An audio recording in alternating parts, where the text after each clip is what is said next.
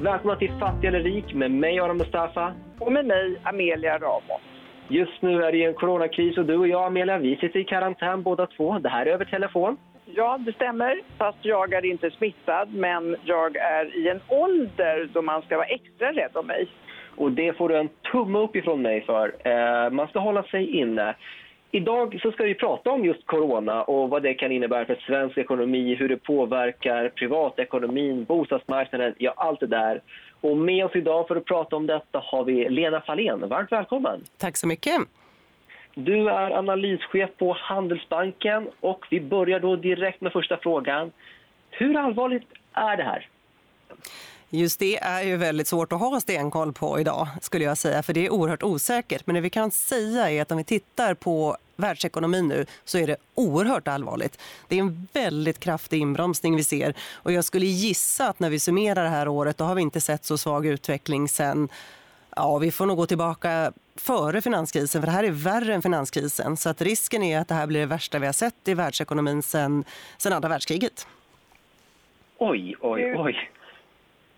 Ja, det är, eh, det är detta du sysslar med. Vad jag förstår så är du chefsanalytiker på makrosidan på Svenska Handelsbanken. Det vill säga, då har man ett väldigt övergripande perspektiv. Ja, det stämmer. Jag ansvarar för makroanalysen och aktieanalysen och kreditanalysen. Så att jag sitter just nu, får man nästan säga, en torktumlare här. För att det, är, det snurrar runt mycket på finansiella marknader. Det har varit oerhört dramatiskt. Och mitt i allt det här så ska man då försöka göra prognoser. Och det är Ja, det är svårt och det är utmanande. Och det beror ju på att vi har inte sett någonting sånt här någonsin förut. Vi började den här krisen när det började i Kina och göra lite jämförelse med sars-epidemin som vi hade i början av 2000-talet, 2003 ungefär. Men det är inte riktigt, redan då tyckte vi att det inte är jämförbart för Kina är så pass mycket större ekonomi än vad det var då. Men sen har det här spridit sig och blivit mycket, mycket, mycket värre. Så det här är svårt. Men vi försöker räkna på det här. Men det, man får nästan prata om att man gör olika räkneexempel. För det att man gör prognoser, det blir nästan inte riktigt seriöst att säga. Men du, då har ni gjort scenarier vad jag förstår va? Ja, men vi har gjort det. Och då tänker vi oss då att vi, eh, man, man försöker tänka något best case. Då tänker man att ja, men de här flesta restriktionerna de släpper här under april månad och så går det ganska snabbt tillbaka. Det känns ju mindre och mindre sannolikt. Och då hamnar man i någon sorts kanske huvudscenario där man tänker att ja, men de här enormt drakoniska åtgärderna vi ser i världen, ja, de håller nog på mars, april, maj och sen så sakta börjar man släppa på de här och så förhoppningsvis då klingar den här smittan av och börjar liksom normaliseras i slutet av året. Och räknar man på det, ja, då skulle jag säga att tillväxten faller i Sverige någonstans runt 7 procent. Eh, och då ska man komma ihåg att under finanskrisen som föll svensk tillväxt ungefär 4 procent. Så där någonstans. Vad det här blir för världsekonomin, hela världen, det är svårt att säga. Innan det här inträffade, ja, då trodde vi att tillväxten i världen i år skulle ligga runt 3% för hela världen. Nu får man dra, dra ner det där mot 2, 2,5 kanske någonstans. Men, men för Sverige och Europa så blir det här tuffare för vi är så oerhört hårt drabbade nu. Men här måste jag flika in. Vi, kineserna hade ju inte så mycket eh, tid att hinna förbereda sig. Det, det uppstod ju där någon gång i januari. Men det tog ett tag innan det blev en pandemi eh, här i Sverige. Hur eh, är svensk ekonomi rustad? Hur går det för svensk ekonomi? Har vi inte haft någon fördel till att vi haft ändå lite mer tid på oss att förbereda? Jo, men det tror jag på ett sätt. Man har ju framför det gick så, så oerhört fort ändå. I Italien till exempel gick det jättesnabbt och där hann man inte förbereda sig. Vi hann ju lite mer snabbare i Sverige så vi hann börja bygga ut sjukvården lite mer i alla fall. Men jag tror fortfarande har ju många delar av världen varit väldigt... Eh, man har följt det här kinesiska exemplet hur man ska hantera den här smittan. Man stänger ner och man stänger in. Eh, där har vi ju varit lite annorlunda. Där sticker vi ut lite grann i Sverige. Men det är just den här nedstängningen som gör att ekonomin tvärbromsar. Och det är ju förmodligen då sunt och bra ur ett smittspridningsperspektiv men det ger ju oerhört allvarlig effekt på ekonomin när det bromsar så kraftigt. Men förhoppningsvis lyckas ju vi i vår del av världen med att förskjuta den här liksom, kurvan. Eh, det blir intressant att se efter den här pandemin hur man utvärderar den svenska modellen vi har haft här, för den är ju ganska unik om man jämför med resten av världen. Eh, men helt klart, det är en kraftig inbromsning ändå. Vi svenskar är ganska lydiga, så vi håller oss inne och vi handlar inte och vi undviker folksamlingar och varuhus. Så det här blir väldigt dramatiskt. Och, och, eh, men det skulle säga att det är just de här dramatiska åtgärderna som man följer den kinesiska modellen och gör på, i olika skalor i världen. Och det är det som slår så hårt nu. Lena, bortsett ifrån att jag tillhör dem som tycker att eh, den här lagom, eh, lagom eh, strategin som vi har här är väldigt human. Och jag hoppas att det så småningom kommer att visa sig att det var också bra. Jag håller på det i alla fall. Men frågan till dig är också vad blir det för bestående effekter? Tror vi att det blir business as usual? Ja, jag skulle säga här blir det väldigt viktigt hur länge det här pågår och vilka åtgärder som görs. För först tänkte man att det här går kanske ganska snabbt och då går det ner väldigt kraftigt. Man gör olika typer av stimulanser som vi har sett, till exempel man sänker hyrorna, man inför det här med korttidspermitteringar, eh, andra typer av stimulanser och sen studsar det upp ganska snabbt och då, då är företagen vid liv eller vad man ska säga och, och då har vi liksom bryggt över det här och då får vi det här vi kallar en ganska V-formad återhämtning. Men ju längre det här håller på på, det vill säga vi kanske går mer mot en U-formad återhämtning, ja då finns det ju en risk att fler företag slås ut, att svaga grupper på arbetsmarknaden slås ut. Alltså man tänker unga, utrikesfödda drabbas extra hårt. Och det är någonstans där vi är. Att det blir nog mer ett U kanske än vad det blir det här vet. Eller det känns mycket mer sannolikt. Så att risken är att det här orsakar ändå vissa permanenta skador. Sen beror det på naturligtvis vad man gör för vad ska man säga, stimulanser efteråt. Nu handlar ju mycket stimulanser om att ge företag och hushåll till viss del också likviditetsstöd så man kan övervintra. Nu vill man kanske inte ge den här typen av stimulanser och stimulera efterfrågan. Man vill ju inte att för, hushållen ska gå ut och hoppa nu. De ska ju hålla sig inne. Men när den här smittan har klingat av, ja då kan man tänka sig andra åtgärder som man gör. Och i Sverige har vi ju faktiskt råd med det. Och då skulle man kunna tänka sig att man gör såna här saker som man pratar om restaurangcheckar eller utökade RUT och ROT-avdrag för att få igång efterfrågan. Så det beror lite grann på hur mycket åtgärder man gör efteråt. Men jag tror tyvärr att vi, vi får nog en del permanenta effekter av det här.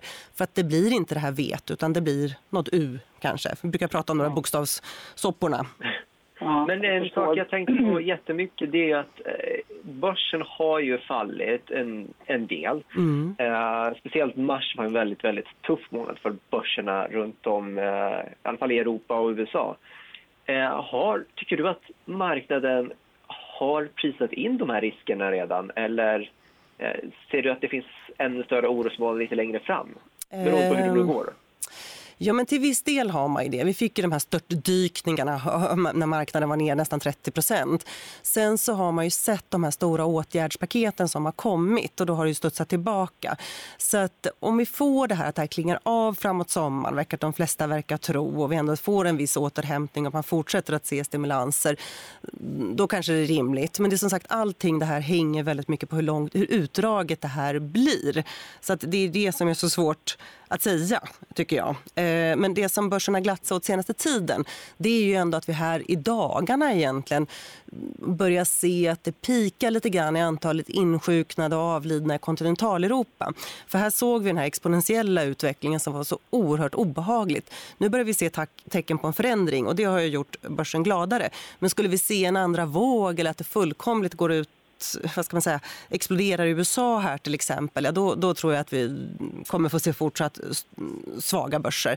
Men, men får vi den här stabiliseringen, platån på antalet insjuknade och sen så det som vi ser nu, till exempel Danmark nu som går ut och säger att de ska göra vissa lättnader i de här restriktionerna. Vi ser att Spanien och Frankrike sätter upp såna här expertkommittéer för att eh, prata kring hur man ska ta bort restriktionerna nu och sakta återgå till det de var. Fortsätter det, ja, men då kan vi nog se lite positivare tongångar gånger här. Du, om man går rent privat, vi säger då att USA är trots allt ett, ett orosmoln. Ehm, så brukar ju alltid ni säga att man ska sitta still i båten. Ska man sitta still i den här aktiebåten? Ja, det. Om man har tänkt sig att man kanske behöver pengar om två år, säger vi.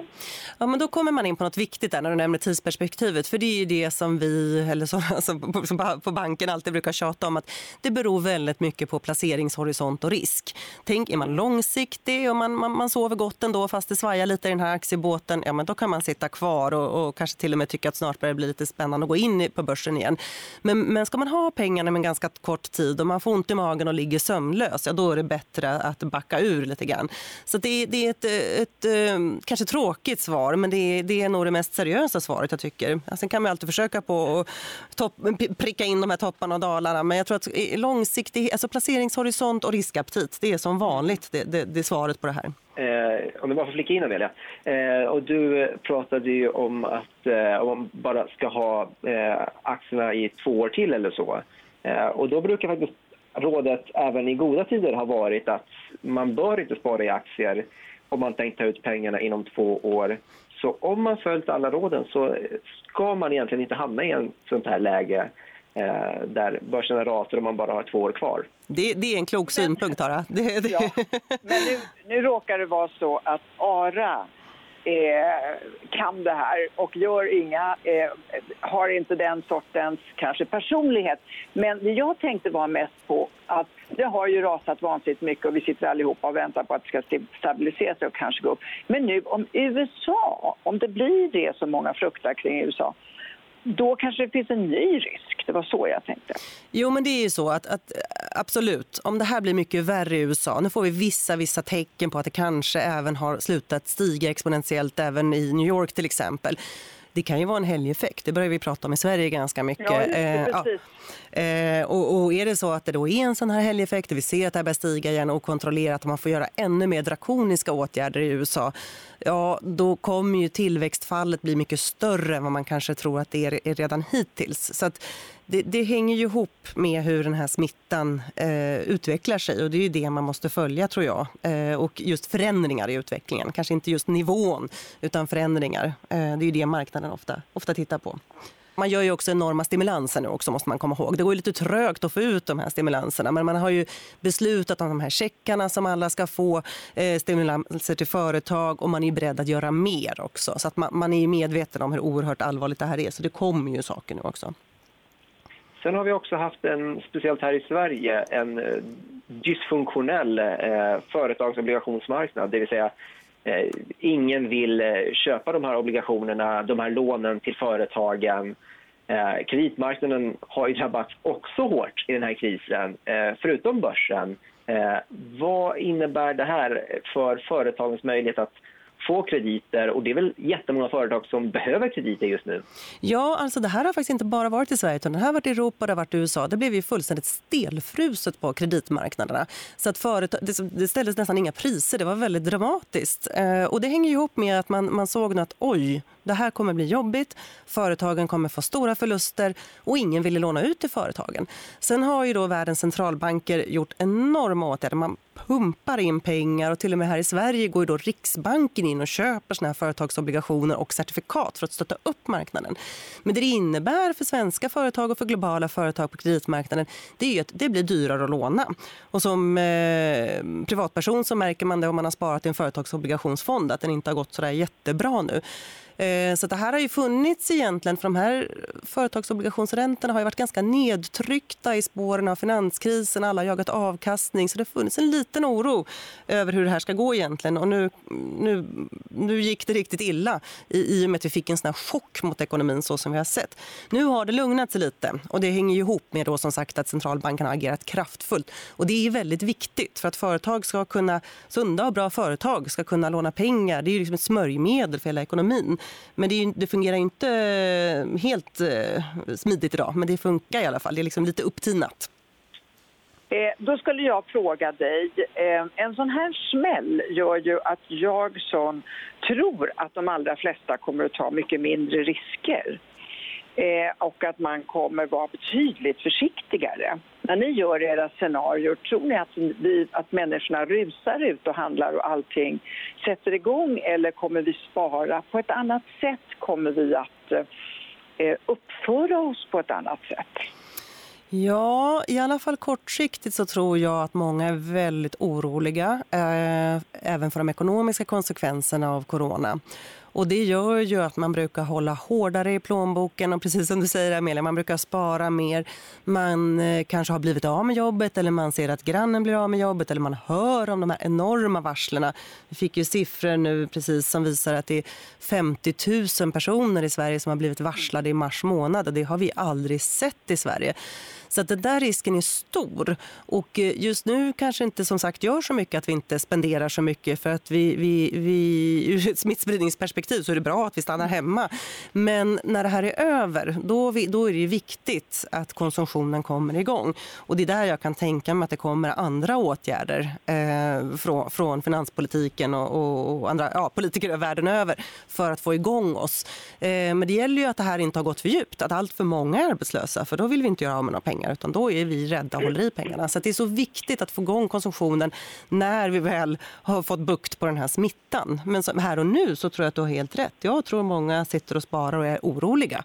Det ser man ju. Vi såg ju till exempel där när Kina eh, var så hårdast drabbas. Hela Kina satt ju inte i karantän utan det var delar av Kina som var väldigt hårt instängda. Men bilförsäljningen sjönk ju någonstans drygt 90 procent. Eh, så att, så, att det, det, så är det när man är i ett sånt här osäkert osäkert läge?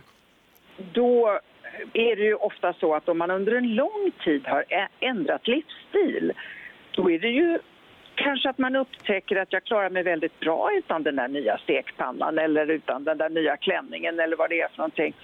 Finns det inte en fara i att vi kanske inte kommer att handla lika mycket som förr?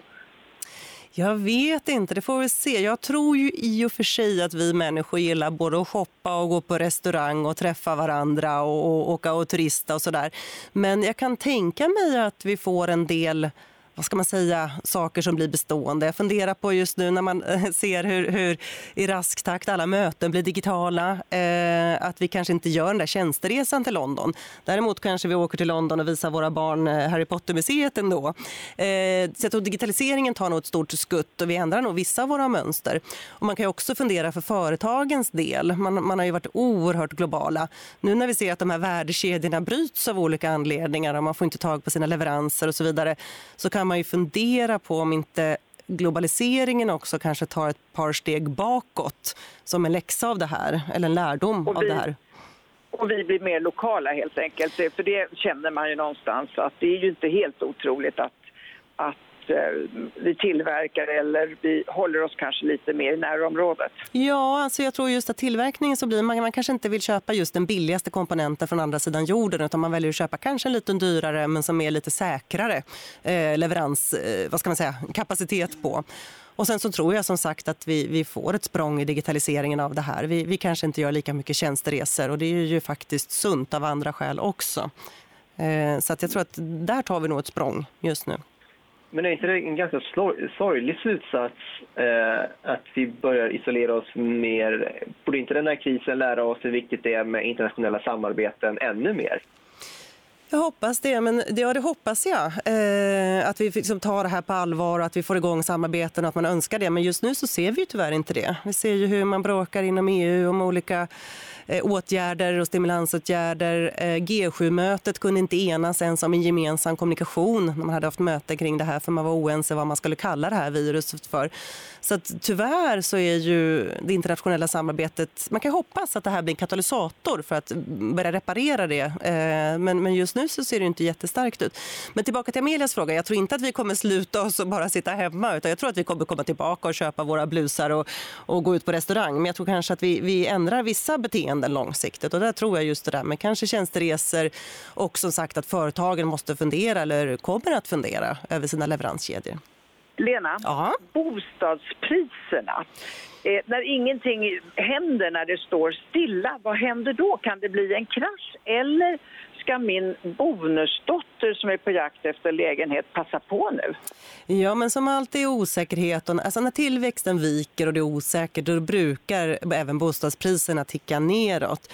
Och när vi tänker oss då och har försökt räkna på de här olika då, räkneexemplen och det här exemplet som jag nämnde här i början att svensk tillväxt faller 7% i år och sen återhämtar sig och stiger 5% nästa år. Ja, men då tänker vi oss också att bostadspriserna går ner någonstans runt 10% Så det är en brottning men det kanske inte är den här jätteraset utan mer i linje det som hände 2017 när vi hade den här sättningen också. Så det kanske är lite läge att gå in och vänta lite och, och sen då för din bonusdotter och, och köpa där. Men det är som sagt det är jättesvårt att veta. Man ser att det sker fortfarande transaktioner nu men det är lite större osäkerhet. Eh, och man gör olika undersökningar där man frågar eh, hushåll hur ser ni på bostadspriserna och då märker man att oron har stigit ganska mycket. Det är många som är oroliga för fallande priser. Samtidigt ska man komma ihåg i Sverige att vi har de här faktorerna att vi har fortfarande vi är underbyggda. Vi har fortfarande byggt för lite med tanke på hur många hushåll vi har i Sverige. Så att det finns fortfarande väldigt stor efterfrågan på boende. Men här och nu allt annat lika. Så det som händer i ekonomin nu, det talar för att prisen att vi kommer få en, en sättning. Men, men hur stor den blir är svårt att säga såklart. Samtidigt har vi fått lägre räntor för att stimulera ekonomin. Mm. Eh, kan inte det pumpa upp priserna eh, Jo, Eller ge sån effekt? Jo då, det är ju det som är meningen. Det är därför man, man, man gör stora stimulanser nu. Men samtidigt om arbetslösheten stiger för mycket då, då, då har det större effekt på bostadspriserna. Så att det får inte bli för mycket skador på arbetsmarknaden av det här. Eh, utan det är viktigt att vi får den här återhämtningen då i slutet av året. Eh, men får vi det så får vi det här U1 där vi tar oss tillbaka till tillväxten så småningom. Så att, eh, att det här skulle liksom bli någon dramatisk depression har jag lite svårt att se.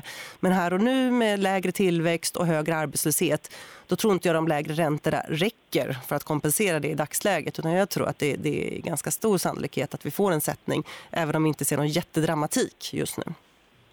Du, hur pass benägna är bankerna då att låna ut med tanke på att eh, det ser så oroligt ut och eh, svenskarna är ju ganska hårt skuldsatta. Även om då eh, bostadsmarknaden går ner med 10 och min bonusdotter får tag på en utmärkt tvåa i Årsta kan det bli broms hos er sen när ni ska låna ut? Kommer amorteringarna bli ännu högre? Eh, ja, det här ska ju inte egentligen jag svara Det här ska man prata med våra bankkontor här. Men generellt det man tittar på det är ju om du har ett jobb och vad du har för återbetalningsförmåga och hur mycket du tänker låna. Och de reglerna har ju inte ändrats utan det är ju samma. Att man, man ska, man ska det kommer av. fortsätta alltså även efter krisen tror jag. Ja, det tror jag. Eh, det som händer nu det är att Finansinspektionen flaggar för att man kan slippa amortera under en viss tid för att stötta hushållen då, hushåll som blir arbetslösa och så vidare. Men när det gäller din bonusdotter som ska ta ett, ett nytt lån, ja då är det samma samma eh, saker som gäller som tidigare. Villkor. Ja. ja, men det känns bra att veta. Då kanske hon ska slå till. Vi får se. Eh, Lena, det finns ju eh, en hel del som sagt som händer kring corona, men det finns alltid vinnare och förlorare.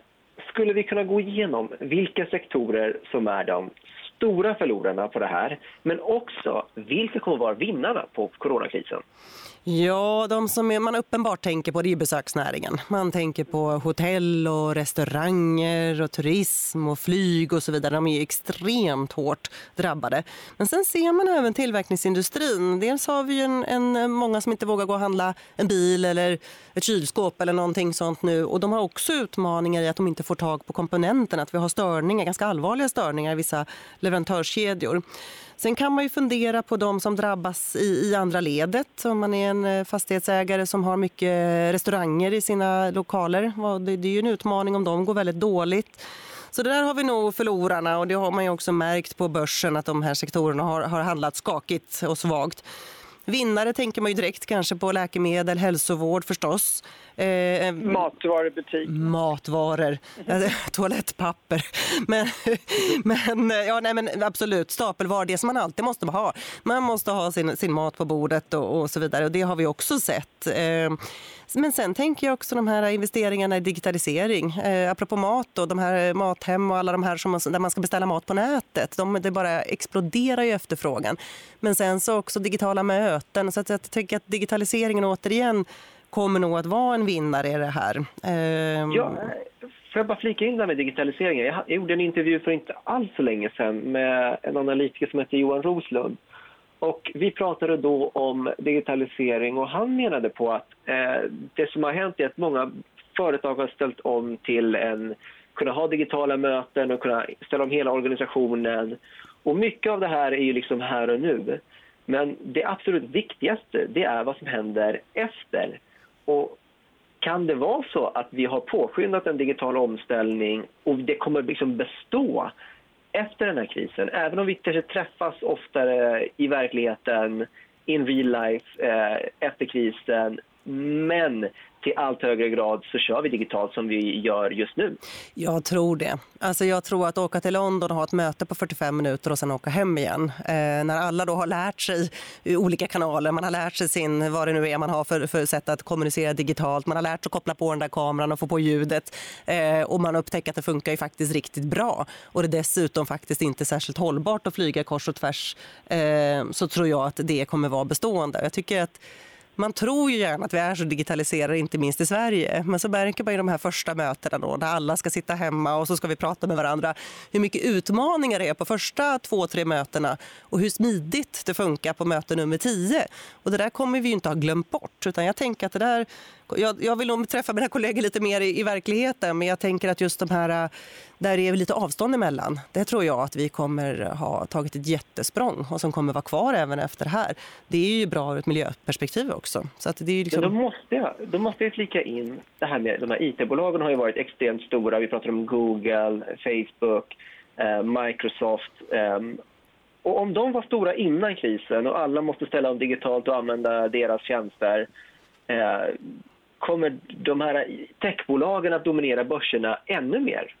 Oj, nu är inte jag någon börsexpert så jag vågar inte svara på det. Men just nu känns det ju så. Men sen kommer det säkert massa uppstickare också som har massa nya smarta idéer också. Men det där, det där är jag lite för dålig på så jag vågar inte spekulera i det. Uh, vi har ju sett att regeringen har gjort en uh, massa åtgärder här i Sverige. Uh, frågan är, kommer det här räcka för att rädda företagen eller behövs det ännu mer och kommer vi ha utrymme att göra ännu mer? Ja, om man tittar på de totala stimulanserna som är gjorda så kan man ju säga att i USA så har man gjort stimulanser för ungefär eh, 10 av BNP. I Tyskland för ungefär 5% av BNP. Och i Sverige så når vi upp strax under 2% av BNP. Så bara ur det perspektivet så kan jag tänka mig att det kommer mer.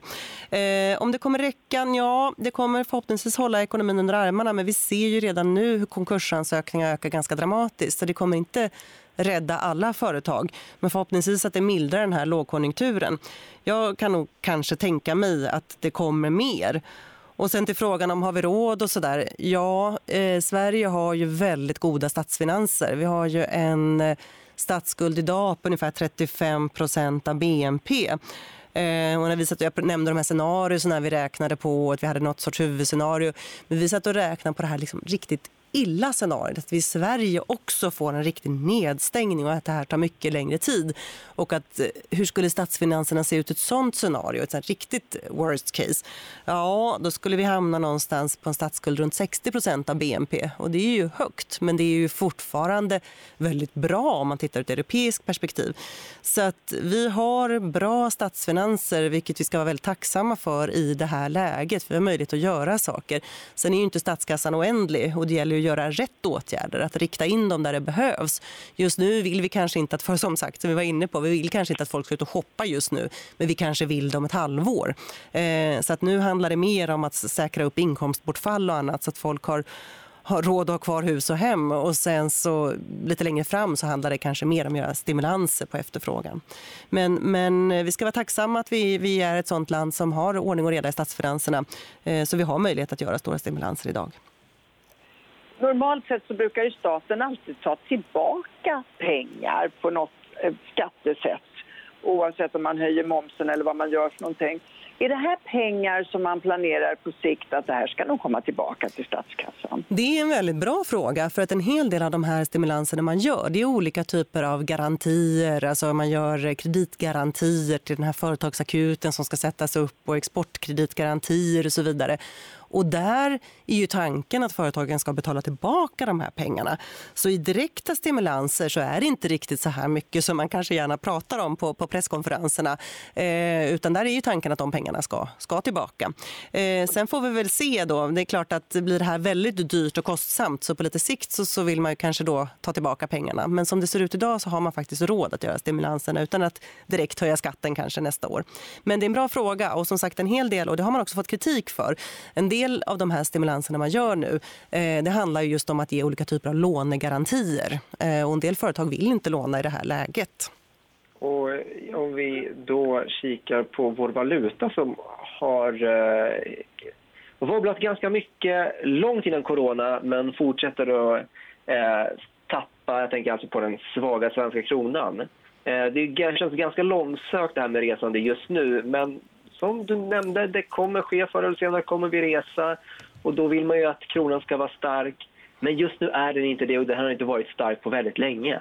Varför är vår svenska krona så svag? Varför just svenska kronan?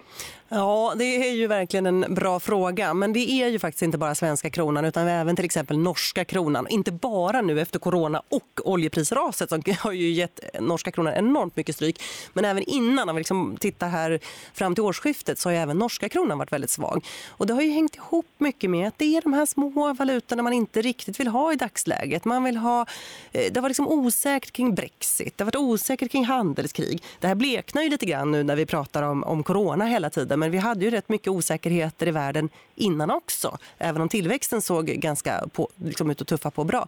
Och då sökte man sig till amerikanska dollar, till japanska yenen och så vidare. Så att kronan har från, får man titta lite längre tid tillbaka fått liksom lite stryk av att vi har haft så låga och negativa räntor. Men också senaste, vad ska man säga, ett, två åren av att det har varit rätt mycket politisk risk i systemet. Och då har man inte velat hålla små valutor. Och det här har då stärkts på ytterligare i coronakrisen där vi har tappat ungefär 10 procent. Men det har faktiskt brittiska pundet också gjort och det hänger ihop med Brexit. Och så har vi norska eh, kronan som har gått ännu värre. Men de har ju fått en oljeprischock på sig också som har gjort att valutorna tappar 20 25 procent. Så att, eh, det är egentligen i princip dollarn som har gått eh, starkt och många andra valutor har tappat mycket nu. Eh, man brukar säga att eh, bolag kan gå ner hur mycket som helst. De kan tappa 100 procent på börsen. Kan en valuta tappa, som svenska kronan, hur mycket mer kan den tappa? liksom? ja, men som i det här, ja det vet, det, var, det vet jag inte. Eh, men, men tittar vi på norska kronan kunde den tappa 25 procent. Men då hade vi dubbla chocker. Vi hade en coronakris och vi hade en oljeprischock. Och jag har lite svårt att se vad som skulle utlösa det här i Sverige med tanke på att vi har starka statsfinanser eh, med ganska bra ordning och reda och vi har en ändå i relativa termer en väldigt välfungerande ekonomi. Så att eh, man ska väl vara försiktig när man pratar valuta. Valutaprognoser är det svåraste man kan hålla på med. Eh, men jag har väldigt svårt att se att vi skulle hamna i det läget som Norge är till exempel. På lång sikt så tänker ju vi och många andra med oss att kronan borde stärkas. Det har ju vi tjatat om ganska länge. Men det hänger ju ihop med det här som sagt att svensk tillväxt generellt är ganska bra om man tittar långsiktigt jämfört med andra länder. Och så kommer man tillbaka till det här med statsfinanserna som är ganska bra. Så långsiktigt så borde kronan handla starkare. Men jag tror att det dröjer innan vi är där.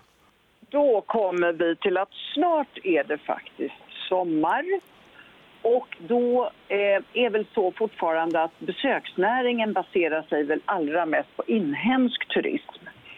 Och då ska vi stanna hemma. Så när hemester kommer, då spelar det ju inte så stor roll om valutan inte är jättetoppen.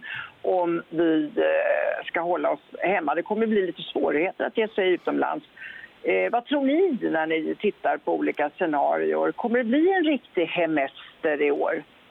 Ja, nu spekulerar jag ju hej vilt, men med tanke på mm. att vi hade UD som var ute och rekommenderade att vi inte skulle ut och resa här förrän ja, man skulle inte resa ut överhuvudtaget. Efter 15 juli. Exakt, och då, då har jag lite svårt att se att man skulle idag våga boka resor utomlands. Så jag tror att för att vi ska våga boka på de här resorna utomlands då ska vi nog vara säkra på att det här är över med den här pandemin eller så gott som över.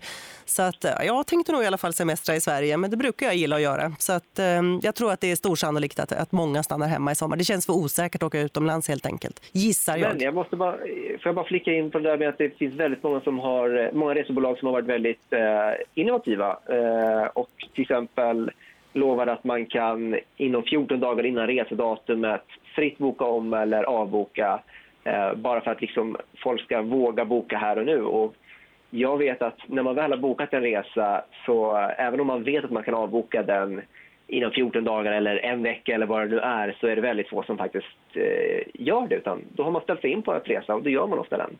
Men jag tror fortfarande att det hänger ihop med det här viruset. För att om du vet att det fortfarande är väldigt osäkert och viruset, du vill inte riskera att bli sjuk utomlands tänker jag. Men, jag eh, tror att det är en super, ett superhinder, precis det. Eh, att man känner sig otrygg. Mm. Jag tror också det. Man måste känna sig trygg med att nej, men nu är det värsta över och, och, jag är ganska lugn med det här. Då, då tror jag att man är sugen på att ut och resa igen. Men, men eh, risken är ju att det dröjer i alla fall över sommaren. Du, det här var ju då inte så jättedystert för vi måste ju hela tiden se ljus i tunneln för annars eh, eh, blir det lite tungt. Och, men vad är det då vi ska kika efter? Om man vill se de här, eh, jag kikar ju förstås på, på allt sånt som rapporteras varenda dag, men vad kikar ni på? Ja, men det man, man får nog gå tillbaka till där det började, till det här viruset. Och eh, det som vi tittar mycket på det är just den här förändringstakten i antalet insjuknade i den här sjukdomen. När man ser att förändringen inte bara ökar och ökar, ökar utan det faktiskt är lite platåer eller när man till och med ser att det går ner lite grann. Det är viktigt det vi ser nu i Italien, att det faktiskt vi får tecken tecken på att det här börjar gå åt rätt håll nu. efter så fruktansvärda veckor vi har haft här. Så det blir väldigt, väldigt viktigt. Eh, så att jag tror att man får gå tillbaka till roten till onda, till den här sjukdomen och se att det börjar förändras. Åt, även om nivån på antalet insjuknade fortfarande är, är dålig, så att förändringen går åt rätt håll. Sen är det ju viktigt att följa arbetsmarknaden och varsel och liknande. Och det kommer vara uselt här närmsta tiden. Men när det börjar kanske mattas av och gå ner lite grann. Så det är förändringstakten i de här som blir viktiga tycker jag. Ja, sen är det vad som händer i resten av världen. Tittar ni väl också och tittar på? Va? Absolut, och alla de här åtgärderna som görs. Och det tycker jag ändå är viktigt om man ska vara lite positivt. Att både centralbanker och regeringar har agerat oerhört snabbt och oerhört kraftfullt. Och det är viktigt. Och att man fortsätter att göra det om ekonomin fortsätter att vara svag. Att man, man visar att man är beredd att gå in och hålla det här under armarna tills den här smittan är över.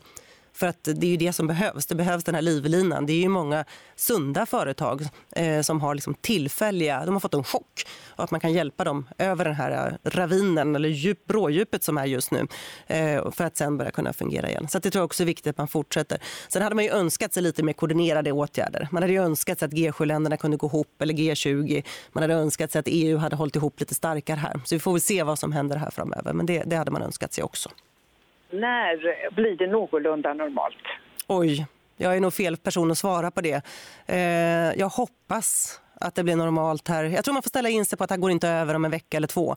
Det här håller nog Nej. på åtminstone till sommaren. Jag hoppas att det blir mer normalt här efter sommaren.